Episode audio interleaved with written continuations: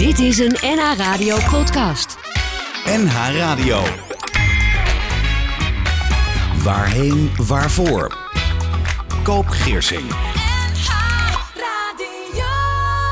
Al meen je oprecht dat met de dood alles over en uit is, dan nog fluistert de liefde andere gedachten in, andere gevoelens.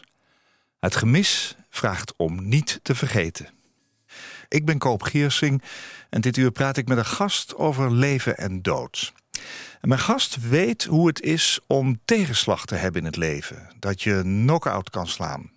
Dat je niet meer weet wat voor of achter is. Als weduwe en moeder van vier kinderen, waarvan drie nog levend, weet zij ook hoe je na verlies weer je zelfvertrouwen, zelfregie en veerkracht kunt vinden om op te krabbelen en een zinvolle invulling aan het leven te blijven geven. En ook hoe je van rouwen weer naar leven kunt gaan. Zelfs hoe je naast rouwen ook kan leven. Zij ziet zichzelf niet zozeer als een rouwcoach, maar meer als een pak de draad van je leven weer op, coach. Marit van Exel, welkom. Hallo.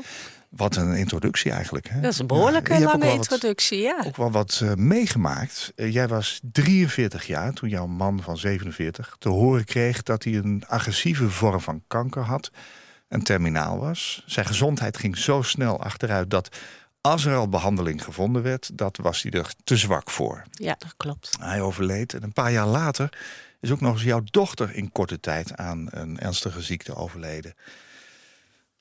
Hoe heb jij eh, het leven weer op weten te pakken? Nou, ik had het, eh, ja, het klinkt een beetje raar, maar door de ervaring eh, van met mijn man.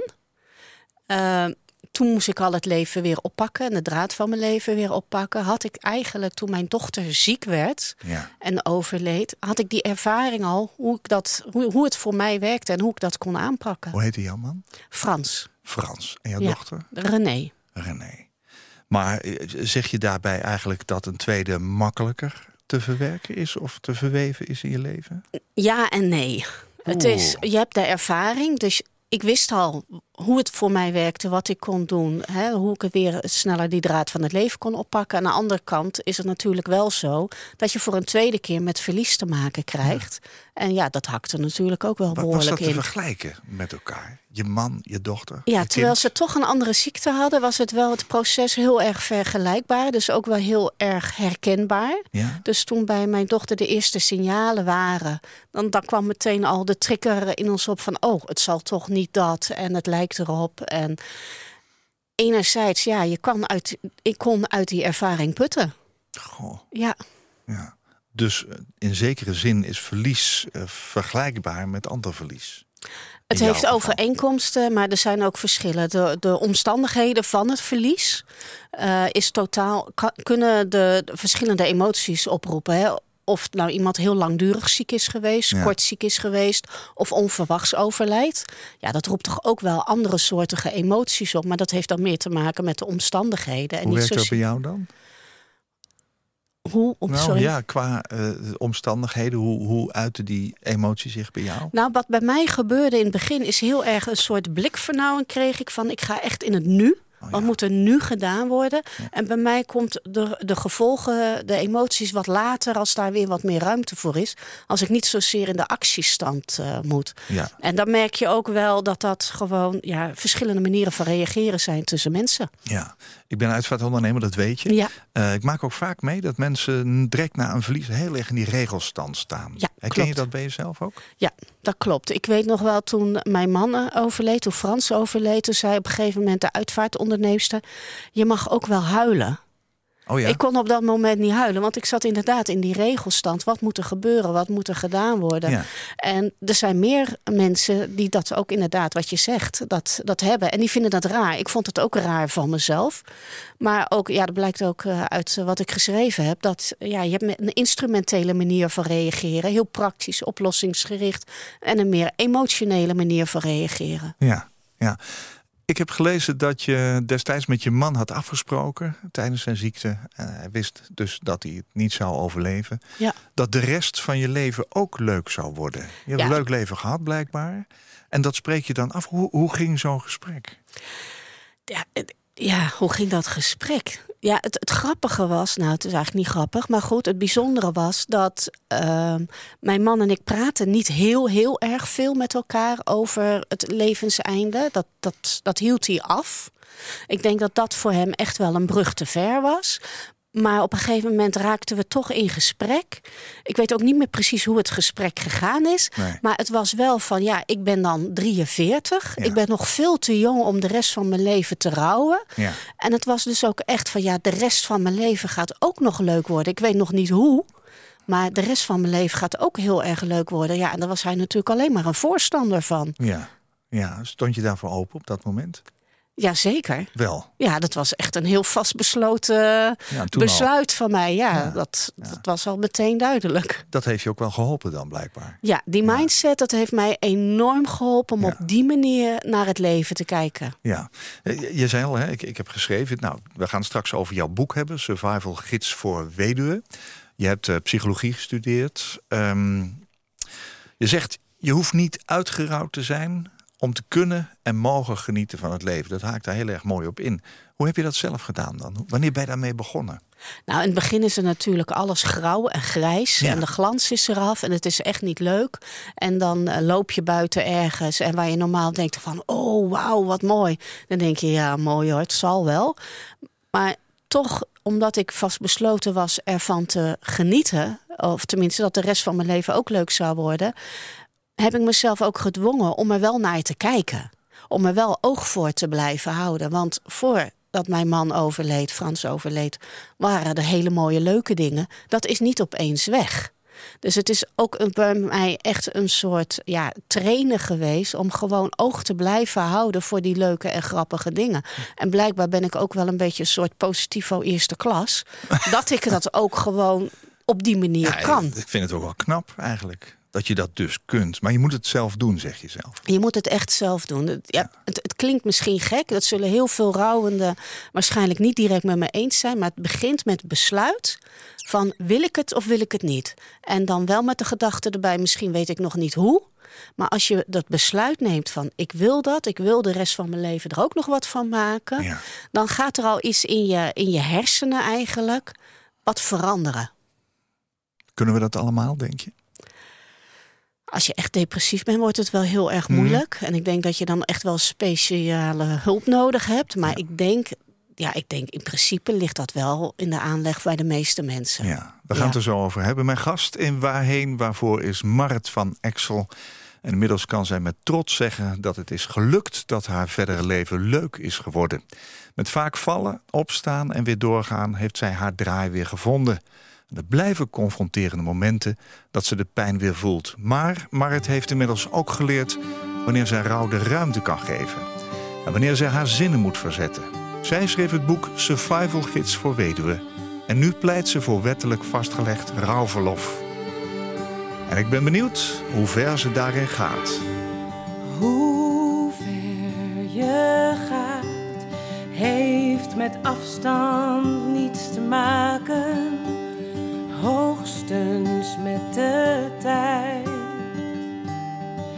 En ik weet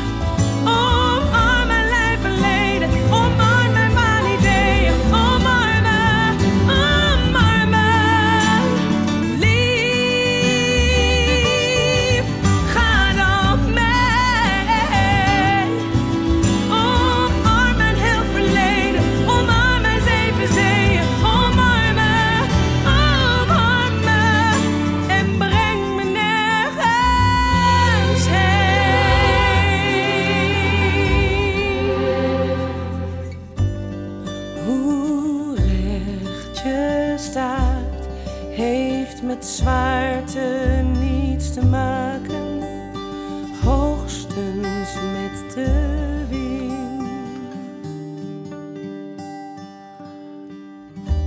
Het prachtige Omarm van Bluff, hier gezongen door Treintje Oosterhuis... van haar Nederlandstalige coveralbum Leven van de Liefde. Hou me vast, laat me niet los, omarm me en breng me nergens heen. Wat een mooie poëtische tekst. Het deed je al wat, zag ik. Ja, dat deed me zeker Dat- wat. En dit is eigenlijk wel ook wel weer een mooi voorbeeld hoe rouwen en leven naast elkaar bestaan. Wat gebeurde er? Wat gebeurde? Ja, het raakte mij. Het is gewoon een enorme trigger. Dat eh, ik ben op een gegeven moment zes maanden op reis gegaan. Ja. En ja, het was ook een beetje met dit idee in mijn achterhoofd. Dan moest ik altijd aan mijn man Frans denken. Ja. En ik weet ook nog dat ik een met mijn dochter naar een concert was geweest van? Bluff. En toen stonden we echt arm in arm. Samen heel hard met dit nummer mee te zingen. Ja, het raakt me nog steeds. Ja, dat mag ook. Maar dit is echt zo'n perfect voorbeeld van hoe rouwen en leven naast elkaar bestaan. En wat ik ook wil uitleggen, rouw gaat nooit weg. De herinneringen blijven. Dus soms kan je opeens iets horen, zoals dit nummer. En dan zo poef, dan komt hij er. En Ja. dat is gewoon helemaal oké. Het mag er zijn. Ja, ja. We hebben net, eh, voordat eh, de uitzending begonnen, eh, gepraat. Ik, ik zie je, je bent ook blij, je, lacht. ja, en, ja, en je. Je, kunt heel opgewekt praten over je boek, wat heel goed verkocht wordt. En dan gebeurt er zoiets en dat is, ja, dat klopt. Dat is dus rouw. Ja, en het bijzondere is eh, dat mensen denken als zoiets gebeurt, dan heb je de rouw niet goed verwerkt. En daar ben ik het gewoon totaal niet mee eens. Want de herinneringen blijven, hè, de emotie en alles die je er hebt, die blijven. En die worden af en toe getriggerd. En dan denk Ja. ik, als het bij iets verdrietigs is, dan is het blijkbaar niet oké. Terwijl als bijvoorbeeld iemand de foto's terugziet van een bruiloft of de geboorte van een kind. Ja. En er worden er emotioneel bij. Dan is dat opeens, dat is wel goed, dat is wel oké. maar zodra het iets verdrietigs raakt, dan heb je je rouw niet goed verwerkt. En daar ben ik het gewoon niet mee eens. Vinden we dat lastig dan of zo?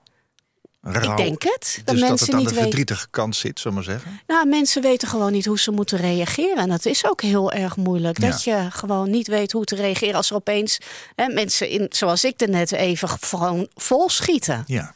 Ja. Nou, ik heb iets van, nou ja, dat moet er even uit. Ja. En dan is het eruit en Dat dan mag. klaar en dan kunnen we weer verder. Ja. Ja. je kan ook weer verder nu. Ja. Ja, wat vind je van het woord verwerken? Ik heb het wel vaker in deze uitzending eh, met gasten over. Iemand heeft mij ooit gezegd, dat was Joker.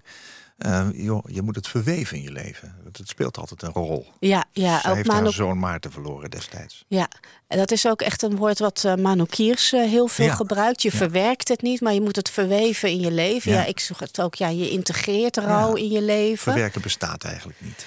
Nou ja, in zoverre kan je het verwerken dat je weet hoe je het gaat integreren of verweven in je leven. Dat je er wel, je moet er wel iets mee doen. Ja. Ja, fijn dat je de naam van Manu Kers even laat vallen. Is binnenkort mijn gast. Oh, wat gaaf, wat plek. leuk. Ja, zeker. Hij heeft deze week gezegd, dat doe ik. Dus Oh, dat is eh, super. fijn. Ja. Maar het, als iemand weet wat het woord rouw betekent, eh, dan ben jij het wel, vind ik. Eh, toen ik je vroeg wat rouw is, zei je... ja, ik voel wat ik voel. Dat is de ene keer fijn, de andere keer niet. Dat, dat zei je net eigenlijk ook. Hè? En wat mij vooral is bijgebleven... is vooral het enorme gevoel van leegte. Hè? Of er een groot gapend gat naast me is. Ja. Ehm, feit is dat je tijd moet kunnen nemen voor rouw. Eh, Jij pleit voor rouwverlof. Ja, dat klopt. Dat is het laatste nieuws eigenlijk rondom eh, eh, jouw werkzaamheden. Hoe zie je dat voor je rouwverlof? Wat bedoel je daarmee? Wat, ehm, wat, ja. wat, wat vooral zo is, wat mij. eh, Ik eindig mijn boek ook echt met een pleidooi voor rouwverlof. Ja. Want het deed me beseffen, het boek deed me echt beseffen van wat een gigantische impact heeft de rouw, het verlies van je partner, maar dus ook van een kind, op je leven. En er is van alles geregeld bij geboorte, Ja. gezinsuitbreiding, Bevalling, vaderschapsverlof? allemaal, ja, en eh, zwangerschapsverlof in totaal 16 weken. Ja, oh ja. En dan bij rouw is er gewoon niks. ja. Eigenlijk onrechtvaardig. Dat is zo, ja, ook onlogisch en krom. En op de een of andere manier is zelfs, ja, gewoon mensen van wie je het ook niet verwacht, die denken, ja, maar dat is toch niet nodig. Nee. Dus wat ik voor ogen heb, begin maar eerst eens met een vergelijkbare periode als bij gezinsuitbreiding. Dat je mensen gewoon de rust geeft en de ruimte geeft om bijvoorbeeld alleen om de zaken af te handelen. Want Alles wat je doet om je zaken te regelen, is een confrontatie met de gevolgen van Ja. de dood. Ja. Het is echt zout in de wonden. Je gaat niet even naar een notaris voor een erfverklaring van erfrecht. Ja. Nee, dat roept ook weer meteen allerlei emoties op. Dan kan je niet daarna nog even weer aan het werk gaan. nee. Dus je krijgt continu emotie op emotie op emotie. En het is zo vermoeiend. Je bent gewoon back af. Ja. En, en als je dan niet een werkgever hebt die je nek staat te hijgen van wanneer kom je weer werken, maar dat je gewoon de rust hebt. Ik denk dat dat later gewoon heel veel uitval, langdurig uitval kan voorkomen. Ja, heb je heb je het dan ook over zo'nzelfde periode van een week of 16? Ja, Is, is dat ook voldoende op dat moment, denk je? Nou, het hangt helemaal van de persoon toch? af. Ja, drie, vier maanden. Ja, Ja, best het hangt helemaal van de persoon af. Je hebt ook mensen die er bewust voor kiezen, en dat had ik ook gedaan, om toch wel zo snel mogelijk aan het werk Ja. te gaan. Ja. Want het was voor mij ook afleiding. Even een andere omgeving. Want als je alleen maar in die, in die eh, omgeving zit van het rouw en het verdriet. en je zit in je huis en je wordt continu geconfronteerd. Nou, dat helpt niet iedereen.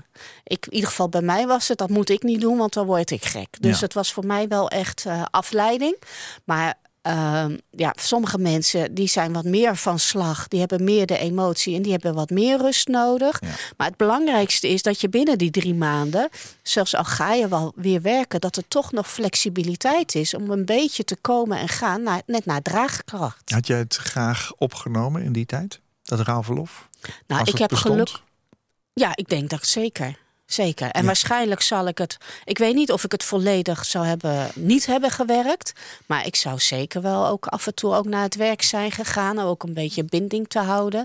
Ik was ook manager van de afdeling. Dus ja, dan wil je ook toch wel een beetje toch nog steeds binding blijven Ja, houden met wat daar eh, speelt. Maar, maar jij bent wel weer eh, vrijwel snel eigenlijk weer aan het werk gegaan. ja, dat klopt. Heb je daar last van gehad dan later? Had je het idee van dat had ik niet moeten doen?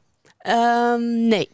Nee. Ik heb wel, ben wel later nog een keer uitgevallen. Maar dat was meer omdat ehm, onze manager ging uit dienst. Ja. Ehm, de een collega die kreeg zwa- had zwangerschapsverlof. Een andere collega die kreeg longontsteking. Ik zat alleen met een stagiair. Een dochter die had een arbeidsconflict over haar eh, reïntegratie.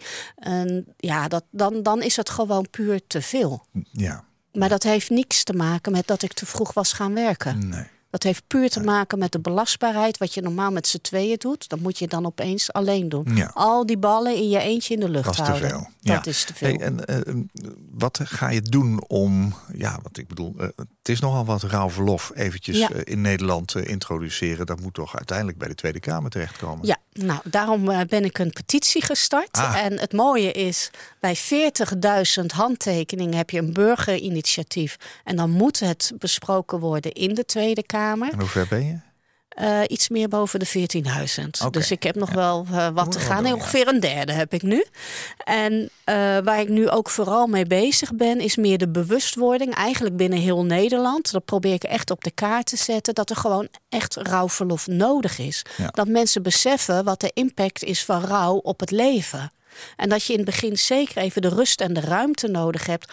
Eigenlijk om je dagelijks leven ook weer op zijn manier. Net zoals dat je ruimte nodig hebt als er gezinsuitbreiding is, dat het Ja. dagelijks leven een routine krijgt, heb je dat ook nodig als iemand overlijdt. Ja. En je kan de taken niet meer verdelen over twee. Het komt allemaal op één persoon. Zelf doen. Ja, als ik die petitie wil tekenen, wat moet ik dan doen? Dan moet je naar eh, www.petities met een s.nl Ja. en dan even het zoekwoord rouwverlof intypen en dan komt die zo naar boven en dan kan je hem tekenen. Oké, dus we kunnen nog bijdragen. maar. Ja, heel graag, heel graag. Je hebt hier geloof in, hè? Ja, ik heb hier echt geloof in. Ja, Ja, ja, nou, maar 40 het, staat ook 40.000. echt. eh, ja, dat is gewoon iets waar ik echt mijn hart aan, waar ik gewoon mijn hart voor ga maken. Ja, Ja. mooi. Ik heb jou gevraagd om, als je dan toch naar de studio komt, neem dan ook eens drie liedjes mee die je misschien op je eigen uitvaart ooit wil Ja. laten horen. Was dat een eenvoudige opgave in dit geval? Eh, nee, dat was de één, één wel, wat ik op het eind eh, wilde hebben. Oh ja. Die andere moest ik nog even bedenken. Ja. Van nou, welke zou ik dan willen horen? En toen dacht ik, ja, kies gewoon wat je zelf heel mooi vindt. En wat, ja, wat, ik, wat ik wil, eigenlijk wil meegeven. ja, wat gaan we als eerste beluisteren? Eva Cassidy, Fields of Gold.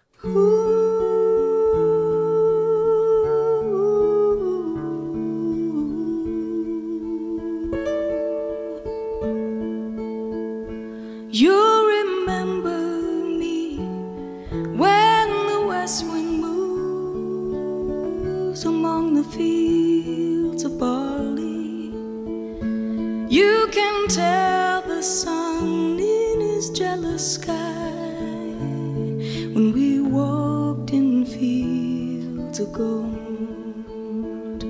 So she took her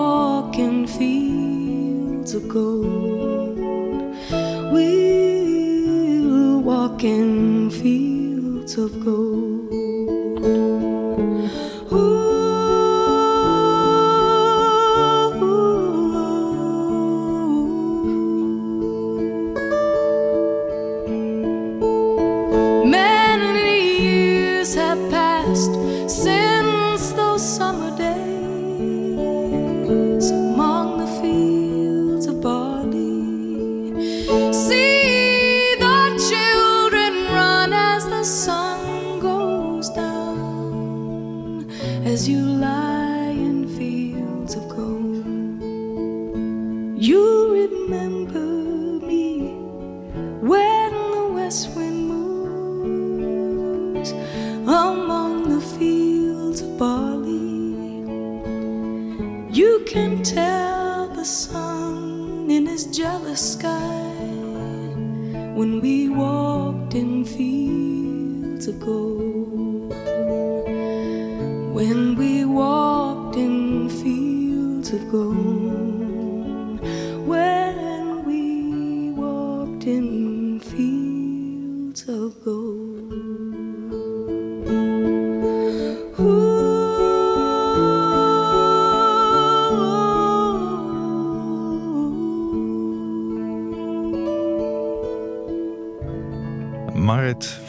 Exel is mijn gast in Waarheen Waarvoor. Zij koos als een van de drie liedjes die ze meeneemt voor haar eigen uitvaart.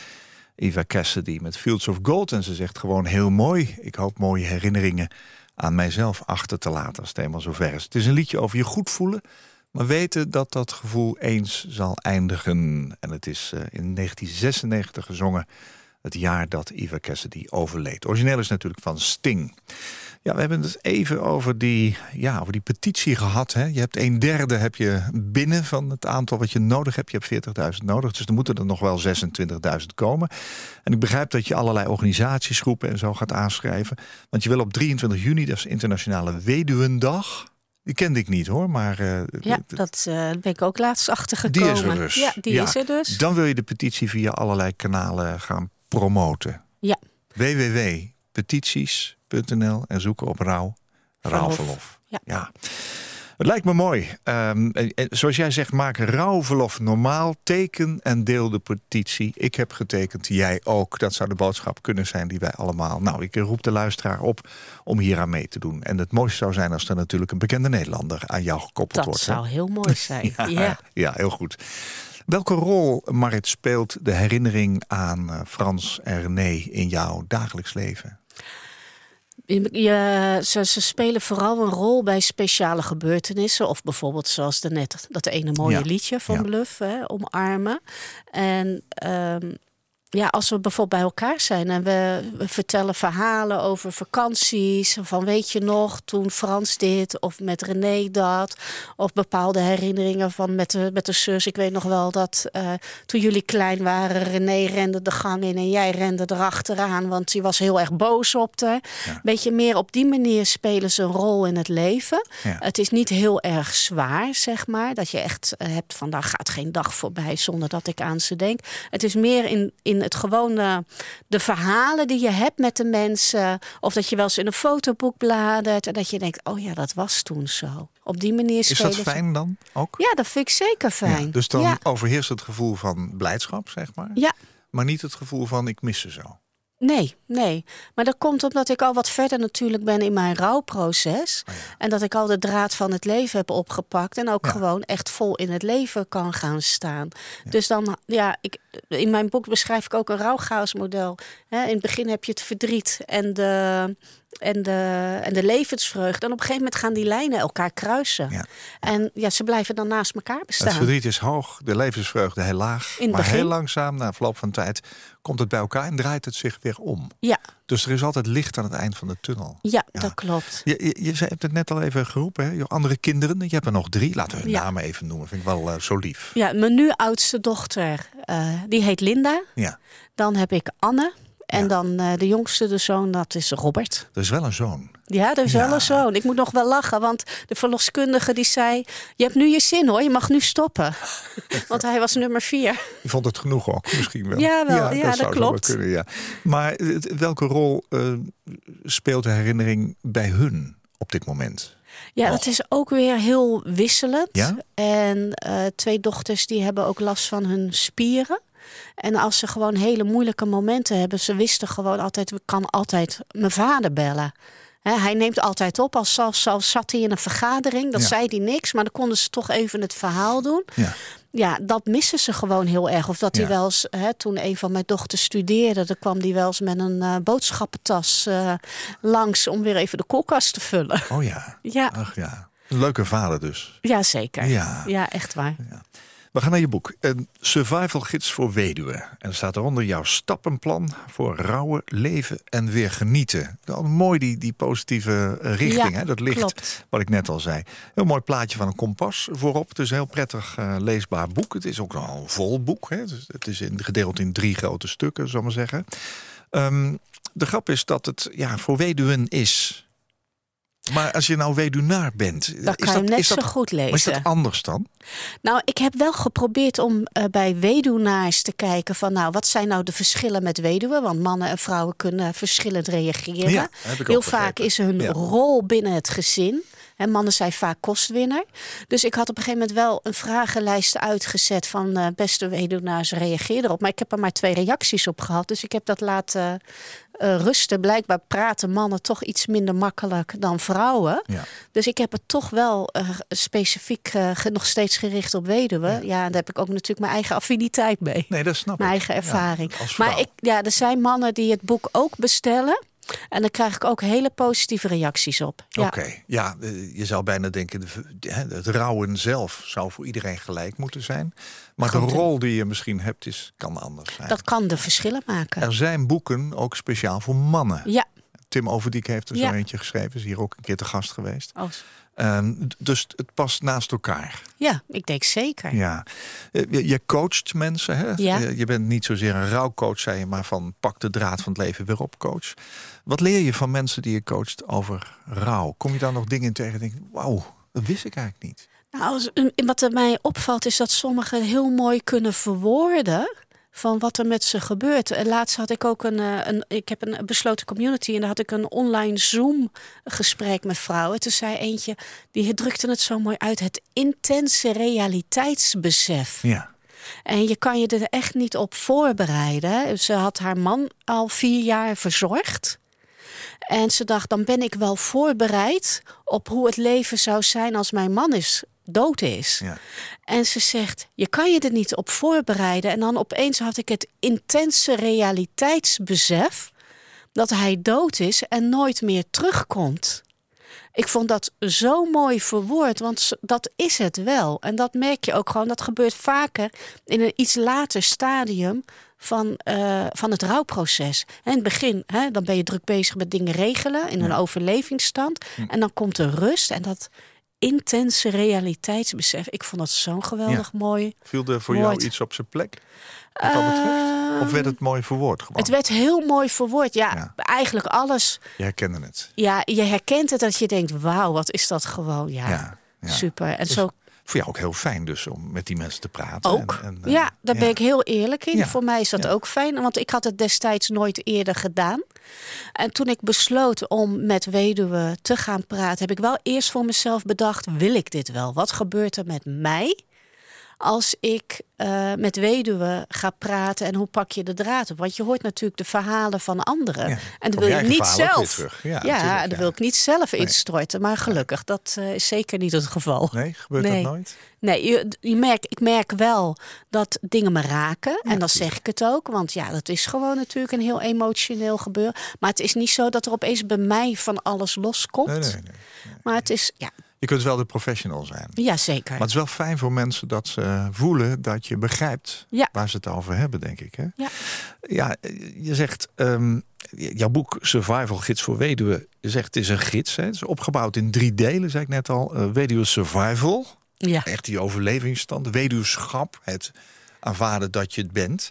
En weduwkracht is de volgende stap zetten. Dat zijn de drie. En je, en je beschrijft oefeningen om het geleerde in de praktijk te brengen.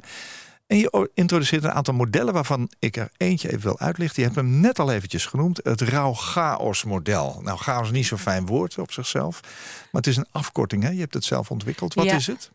nou chaos was vooral ook een beetje in het begin ervaar je de chaos. Oh ja. Tijdens rouw. ja. En de letters chaos zijn ook afkortingen van confrontatie aangaan met de situatie zoals die Oh ja, nu is. Dus C. niet wegduiken. Zo van, hè, ik, wil, ik wil er niet aan, want er moeten dingen gedaan worden. Mhm, Je hebt daar in het begin zeker hulp bij nodig. Je kan niet alles alleen, dus je zult ook hulpmiddelen moeten gaan inzetten. Dat kunnen mensen of dingen zijn. Daarna is het leren aanvaarden, leren accepteren dat je weduwe bent. Hè, dat je een nieuwe situatie hebt. En dat je daar op de een of andere manier toch een vorm van vrede moet krijgen. En als je daar in, meer in kan berusten, dan ontstaat er ruimte om weer een nieuw leven op te bouwen. En het is heel belangrijk dat je daar sturing aan gaat geven. Je moet achter de stuurwiel van je eigen leven gaan zitten. En ja, de regie gaan pakken daarin. Rouw-chaos. Ja. Hartstikke mooi woord.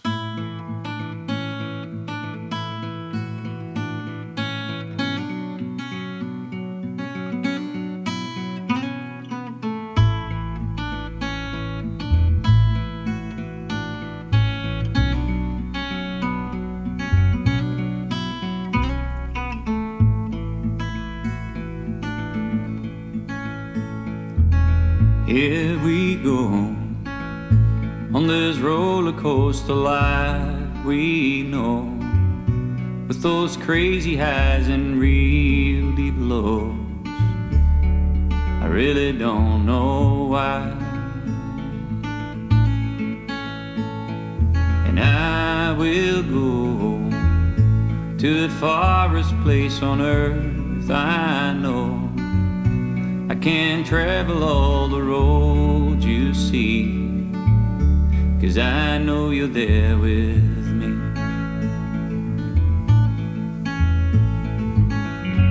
You don't have to slow me down, cause I will always be around. I will find my way back home where magnolia grows, where magnolia grows.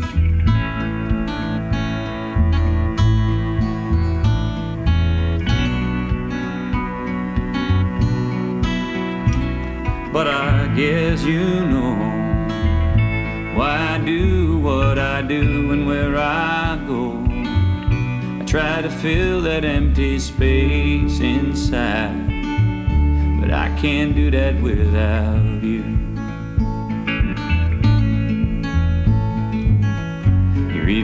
With me in my dreams. I see us sail the seven seas. I will try to find my way. You're always there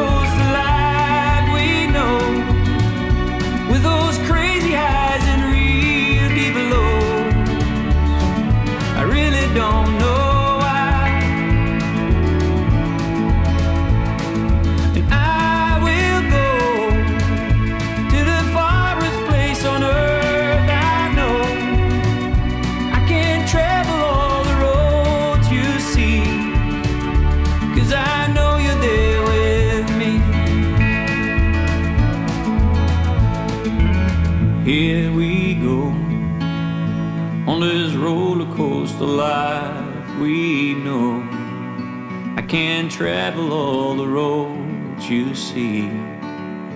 Cause I know you're there with me. Cause I know. Oh, I know. You're there with me. Wat blijft het een prachtig nummer. Danny Vera, dankjewel. Rollercoaster. En zelf blijft hij bescheiden over het succes. Ik maak gewoon muziek, zegt hij. Ik vind het fijn dat het nummer veel mensen troost geeft. Waarom stond het in jouw top drie, zullen we zeggen, van liedjes die op jouw uitvaart misschien ooit gehoord moeten worden? Ehm, het is eigenlijk eh, het, het, het, is een, een dilemma, of nou niet een dilemma, het is de tegenstelling tussen hè, het verdrietige, maar toch ook wel weer eh, verder gaan met je leven, reizen, maar ook een soort eh, eerbetoon aan iedereen die mij ooit heeft geholpen, in welke manier dan ook. Je zei, ik heb even getwijfeld over dit nummer. Ja, hij wordt tegenwoordig heel vaak gedraaid in verdrietige situaties. Ja. En ja, ik, hou er wel van om een beetje origineel te zijn. Ja, ja nou ja, goed. Maar ik vond hem gewoon zo mooi. Ja, het is wel gewoon een heel mooi Ja, nummer. Ja, ja. En ik begrijp wel dat je dat zegt. En dat komt ook omdat de klank van het liedje ook iets melancholisch heeft. Ja, zeker. Omdat de titel natuurlijk ook gaat over het leven is een Ja. rollercoaster. En dat geldt klopt. bijna voor iedereen, hè, denk ik. Ja. Ja. dat geldt zeker voor iedereen. Ik, ik- moet zeggen dat ehm, in jouw boek staan ook hele mooie gedichtjes. Ehm, Anne Zwanenburg heb je daarvoor gevraagd, blijkbaar. Want dat ik- is mijn dochter.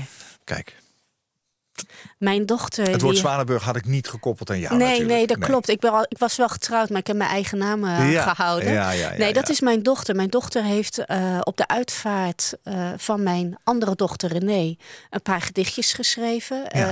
Anne die heeft ook zelf een spierziekte. En die schrijft ook met gedichtjes ook dingen van zich af. Oh ja. En ze had zulke mooie gedichtjes dat ik echt... Ja. Ik ben samen met haar gaan zitten. Ik heb haar gevraagd, wil je dat? Nou, dat wilde ze. En toen hebben we echt zitten kijken van... nou, welk gedicht gaan we op welke plek in het boek doen?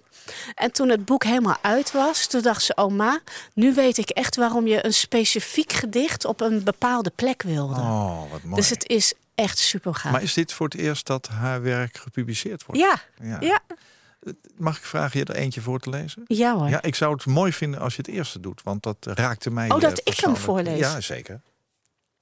Oké, oh, ik heb mijn bril niet bij de hand. Jeetje. Dat Gaat dat is- lukken? Moet ik het doen? Nou, anders? dat wordt heel lastig, sorry. Twee meter afstand kun je niet meer lezen Nee, natuurlijk. hè? hè? Anne Zwanenburg, Ja. jouw dochter. Er is liefde in verdriet.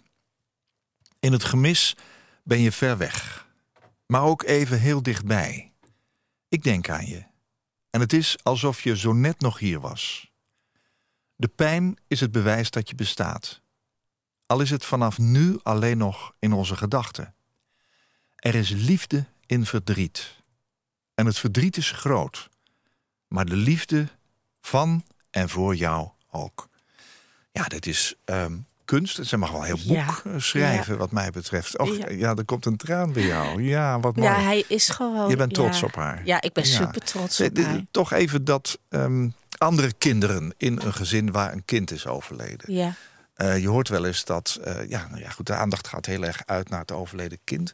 Herken je dat? Of heb je daar juist heel erg bewust over nagedacht of voor opgepast dat dat niet bij jou zou gebeuren? Hoe is dat bij jou gegaan in het gezin?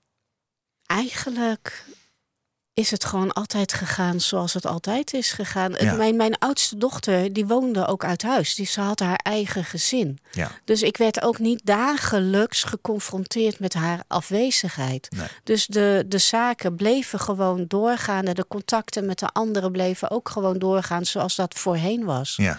Dus het is niet zo dat er heel veel aandacht naar eh, René is gegaan. Nee. Nee, nee. Speelt zij wel een eh, centrale rol ook bij jouw andere kinderen? Ze speelt zeker een rol, net zo goed als eh, dat mijn man een, eh, een rol speelt. Ze hebben ook wel echt ergens, bij alle drie, staat, staan gewoon in de woonkamer foto's van Ja. hun. Ja, En dat is die herinnering. dat is die Er herinnering. is verdriet, maar er is ook liefde. Ja. Ja. Ja. het is dat, dat dubbele. Dus rouwen en leven. Ja, dat snap ik. Ja. Dan gaan we naar dat derde liedje van jou. Ehm, daar wil je iets over vertellen, denk ik, Douwe Bob. Ja. Ook Douwe Bob. eh, het lied van Douwe Bob is van... je hebt tegenslagen in het leven. Soms kan het allemaal verwarrend zijn. Maar het belangrijkste is de liefde. En geef dat vooral ook gewoon door. En ik wil daar toch iets meegeven van... ook al ben ik er niet meer... de herinneringen blijven... En de memories. En, en geef ook vooral die liefde door. En daarmee eren ze mij het meeste. Pass it on. These are bittersweet days, and it's hard if you don't know, child. These are bittersweet days. As we talk about life, you may think that her love is gone, but you'll find it's still strong.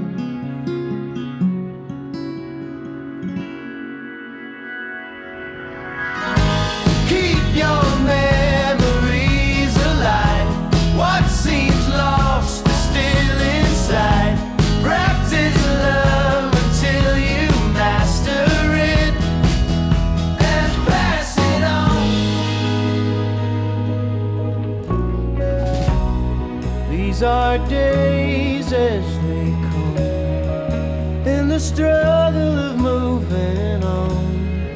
These are days as they come. As he picks up a ball and he leaves for the final time,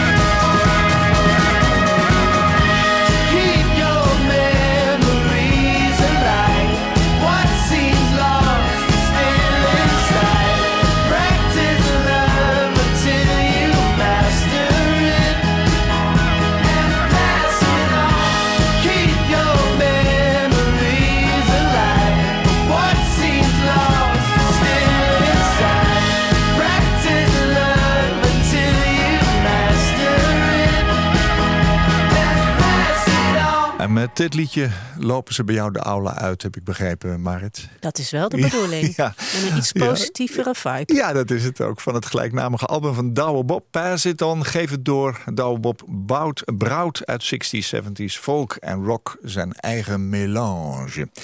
Over het Pass It On gesproken. ehm, je hebt al verteld, hè, Marit van Exel is mijn gast in Waarheen Waarvoor. En die zegt, als ik alle mooie regelingen omtrent zwangerschap, bevalling en vaderschap zie...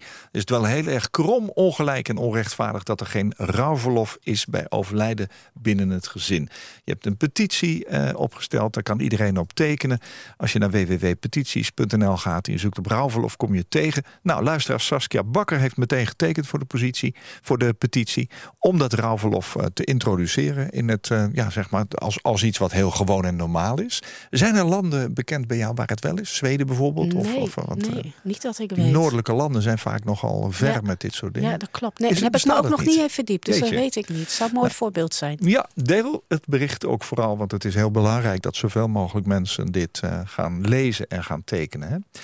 Marit, je hebt het boek Survival Gids voor Weduwe geschreven, ik heb het al verteld, omdat je het of miste een boek toen je het nodig had. Heeft Ja, het schrijven hiervan jouzelf geholpen?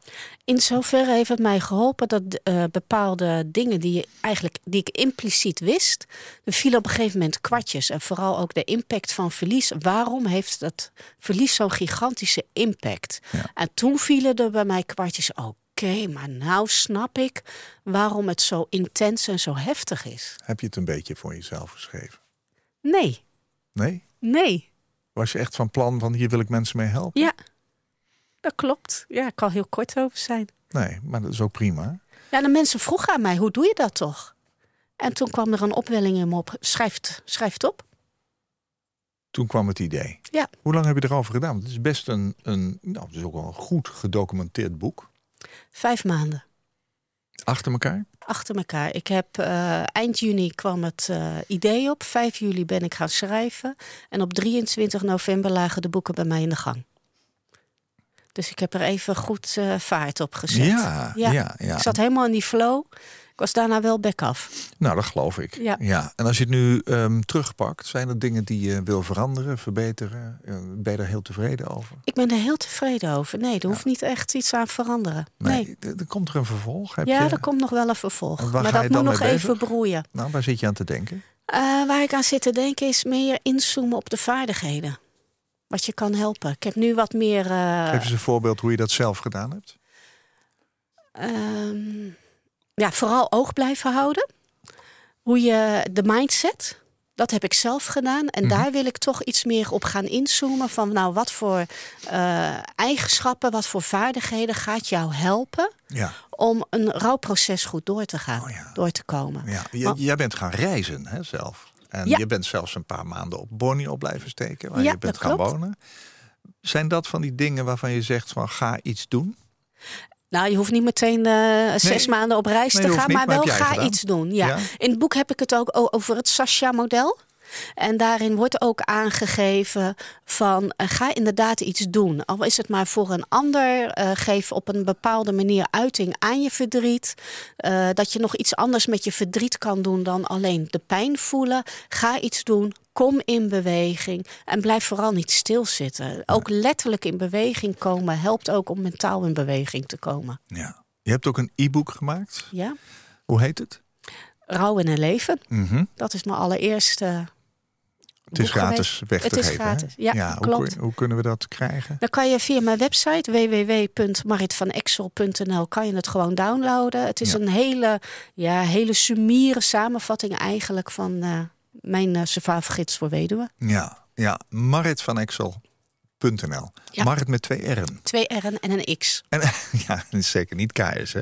Nee, dat snap ik. Nou, ik vind het een heel mooi boek. Het is mooi vormgegeven, ook prettig. Fijn dat jouw dochter Anne daar zulke mooie gedichten aan heeft Ja, toegevoegd. heel En dankbaar voor. Laat zij eens een boekje uitbrengen. Want dit is ook heel troostrijk wat zij schrijft. Dus eh, ik hou me aanbevolen, wat dat betreft. Marit van Exel was mijn gast in Waarheen Waarvoor. En zij weet hoe het is om tegenslag te hebben in je leven. Dat je knock-out kan slaan.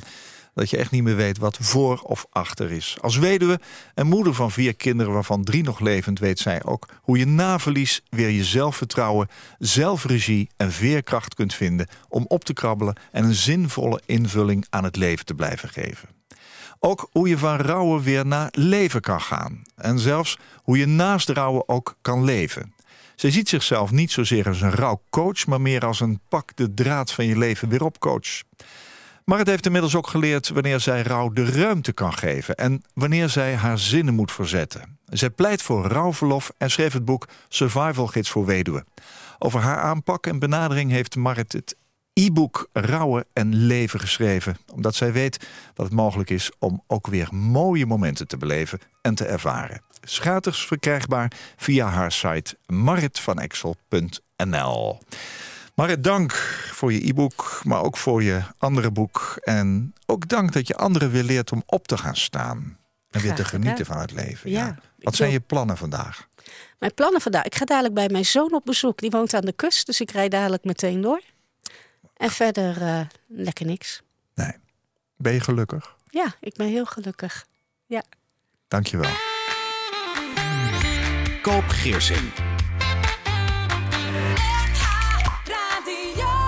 Als jij een keer te gast wilt zijn in Waarheen Waarvoor... om te vertellen over jouw levensreis, laat me dat dan weten... via waarheenwaarvoor.nhradio.nl waarheenwaarvoor.nhradio.nl Dit was een NH Radio podcast. Voor meer, ga naar nhradio.nl.